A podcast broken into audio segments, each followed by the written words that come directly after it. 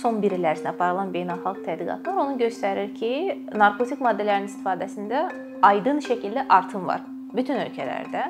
Xüsusilə də bu əlçatan narkotik maddələrə aiddir. Məsələn, spirtli içkilər, siqaretlər, həmçinin çətənə bitkisi, xüsusilə də o ölkələrdə harda ki bu leqaldır və yaxud əlçatandır və s. Amma eyni zamanda da e, biz öyrəndik ki, demək e, daha ağır asılılıqlara səbəb olan narkotik maddələr, məsələn, heroin, heroin, opioid tərkibli dərmanlar və s. onların istifadəsində çox maraqlı dəyişikliklər baş verdi pandemiya dövründə. Və bu da birbaşa olaraq istifadəçilərin sağlamlığına, həm psixi, həm fiziki sağlamlığına təsir edən faktorlar ortaya çıxartdı.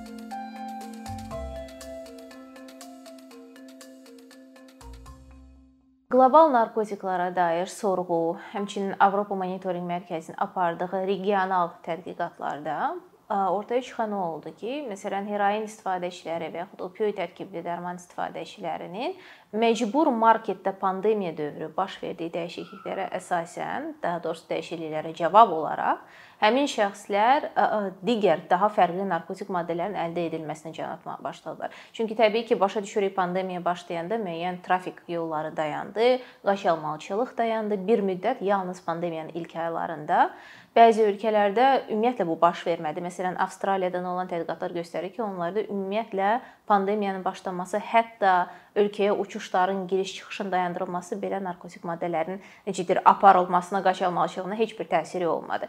Amma Azərbaycanda və ümumiyyətlə Orta Asiya və Transkafqaziya regionunda bu bir müddət bir dayanma oldu və həmin o dayanma müddətində insanlar məcburiyyətdən hansılar ki, müalicəyə əl çata bilmirdilər, onlar yeni narkotik maddələrdən istifadə etməyə başladılar və tədqiqatlar, xüsusilə də Avropa Monitorinq Mərkəzinin apardığı tədqiqat göstərdi ki, Azərbaycanda çox ucuz keyfiyyətli metamfetamin yaranmağa başladı. Klandestin tərkibli metamfetamin və bu da əksərən demək Viyana daxil narkotik istifadəçilərinin qəraindən keçdiyi, heroindən keçdiyi narkotik maddə oldu.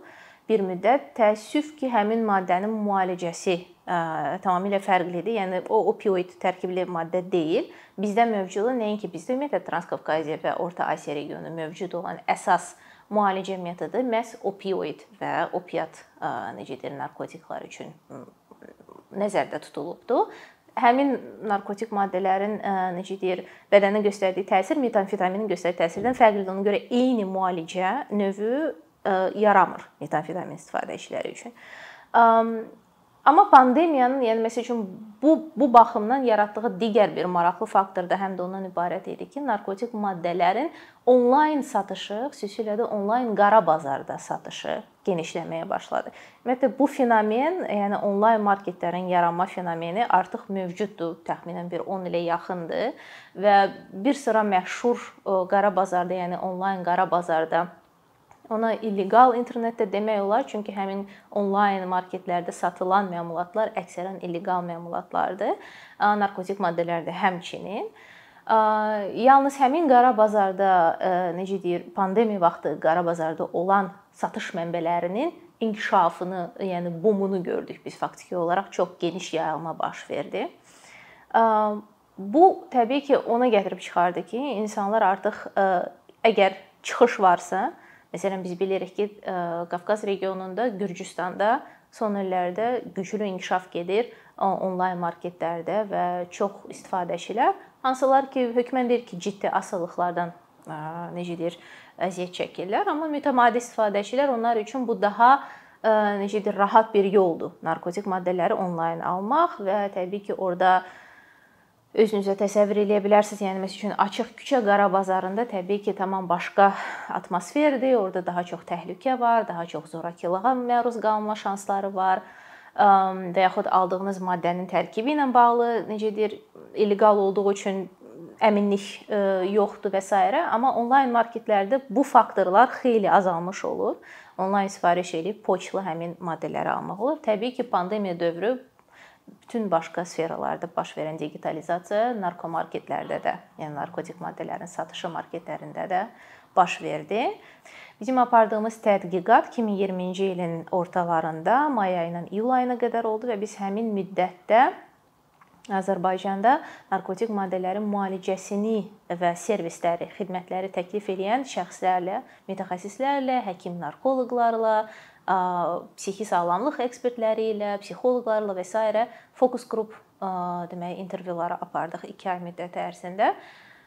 Və xeyli maraqlı nəticələr əldə elədik və o nəticələr bizə göstərdi ki, pandemiya dövründə əvvəlki kimi cəmiyyətin necə deyir, ən marginal, ən həssas qrupları pandemiya dövrü ən çox zərər çəkmiş qruplar olaraq qaldılar.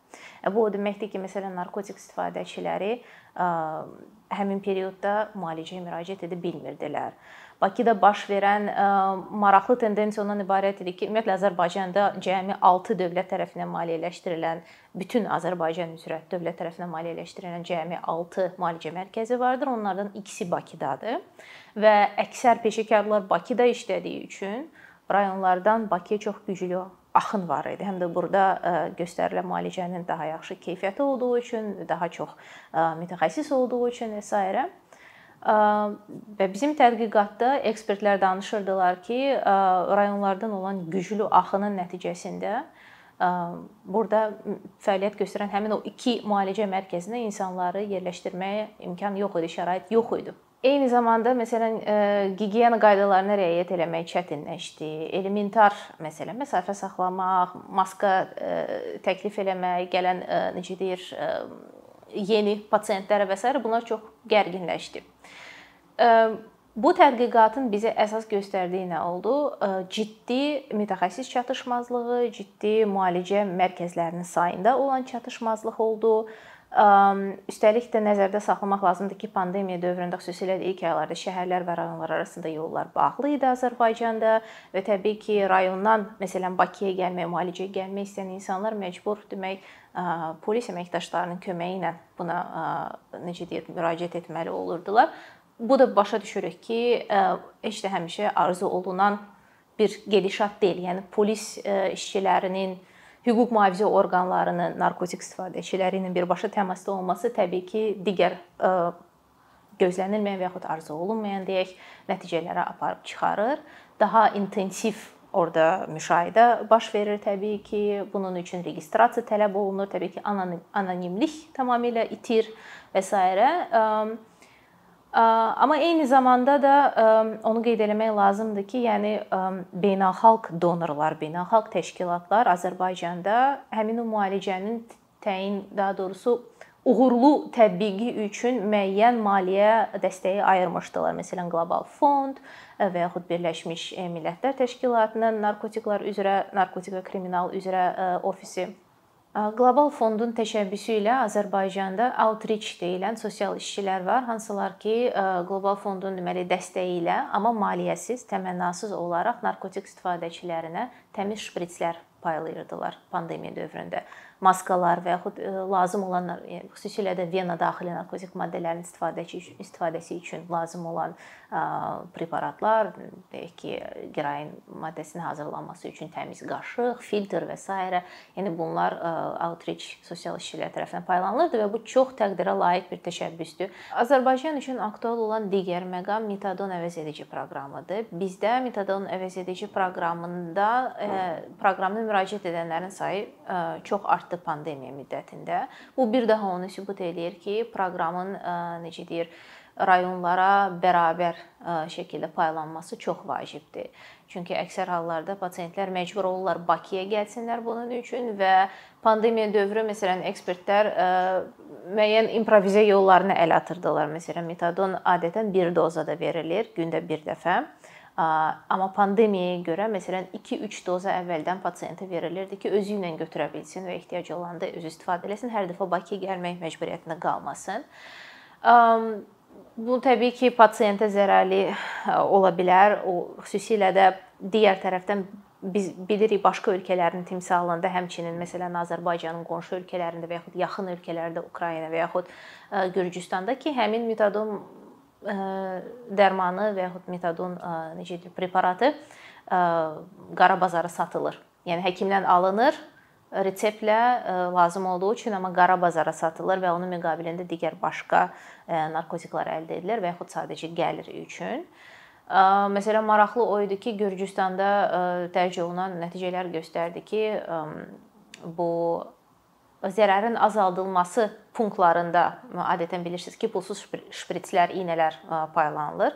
Həmin şpritslərin, iynələrin miqdarı artmağa başladı. Məsəl üçün deyənə qədər əgər istifadəçilər deyək ki, 1 millilitrlik şpritslərdən istifadə edirlərsə, metadonun qara marketə yayılması onu göstərdi ki, istifadəçilər başladılar 5-10 millilitrlik şpritslər istəməyə. Daha çox necə deyir, bu artıq ona sübut göstərir ki, metadon daha çox istifadə olunmağa başlayıbdı qara marketdən. Halbuki metadon leqal dərmandır. O qara marketdə adətən satılmır və onun qara marketə çıxışı birbaşa olaraq pasientlərin özləri üçün aldığı və yaxud başqaları üçün aldığı maddəni satışı deməkdir. Bu Azərbaycan üçün vacib faktordur, çünki metadon proqramı bizdə cəmi 6 dediyim dövlət tərəfindən maliyyələşən müalicə mərkəzlərində verilir. Eyni zamanda maraqlı odur ki, Azərbaycanda bu haqqda biz əvvəllər də danışmışdıq. Azərbaycanda detoks yeganə dövlət tərəfindən maliyyələşən necədir, qanın yuduzdurulması prosesi yeganə müalicə növüdür. Amma təbii ki, özünüz də başa düşürsüz, pandemiya müddətində psixi sağlamlıq çox vacib faktordur, həm normal insanlar üçün, həm istifadəçilər üçün və yaxud hər hansı digər xəstəliyi olan pasientlər üçün və o periodda psixososial dəstəyə və həmin xidmətlərin inkişafına böyük ehtiyac var. Onlar da minimal saydadır bizdə. Son 1 il ərzində aparılan tədqiqatlardan biz nələr öyrənə bilərik? Birinci olaraq odur ki, bayaq qeyd etdiyim kimi müalicə metodları və onların müxtəlifliyi artırılmalıdır. Bu bizim ölkə üçün çox aktualdır. Bunun əsas səbəbi nədən ibarətdir və yaxud ona təkan verən məqam ondan ibarətdir ki, narkotik istifadəsi ümumiyyətlə artmaqdadır regionda, həm Orta Asiyada, həm Qafqazda.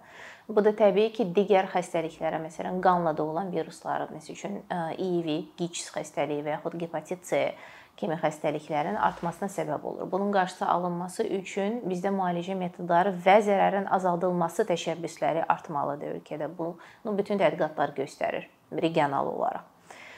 İkinci məqam ondan ibarətdir ki, həssas qrupların ümumiyyətlə professionallara, mütəxəssislərə çıxışı sadələşdirilməlidir. Pandemiya ümumiyyətlə göstərdi ki, digitalizasiya çox vacibdir indiki halda. Amma məsələn Azərbaycanın timsalında da bilirik ki, ucqar regionlarda olanlar və yaxud kənar rayonlarda yaşayan insanların necə deyir, müalicəyə müraciət etməsi üçün və yaxud lazım olan preparatları əldə etməsi üçün bizdə həmin o digital reseptlərin verilməsi çox vacibdir.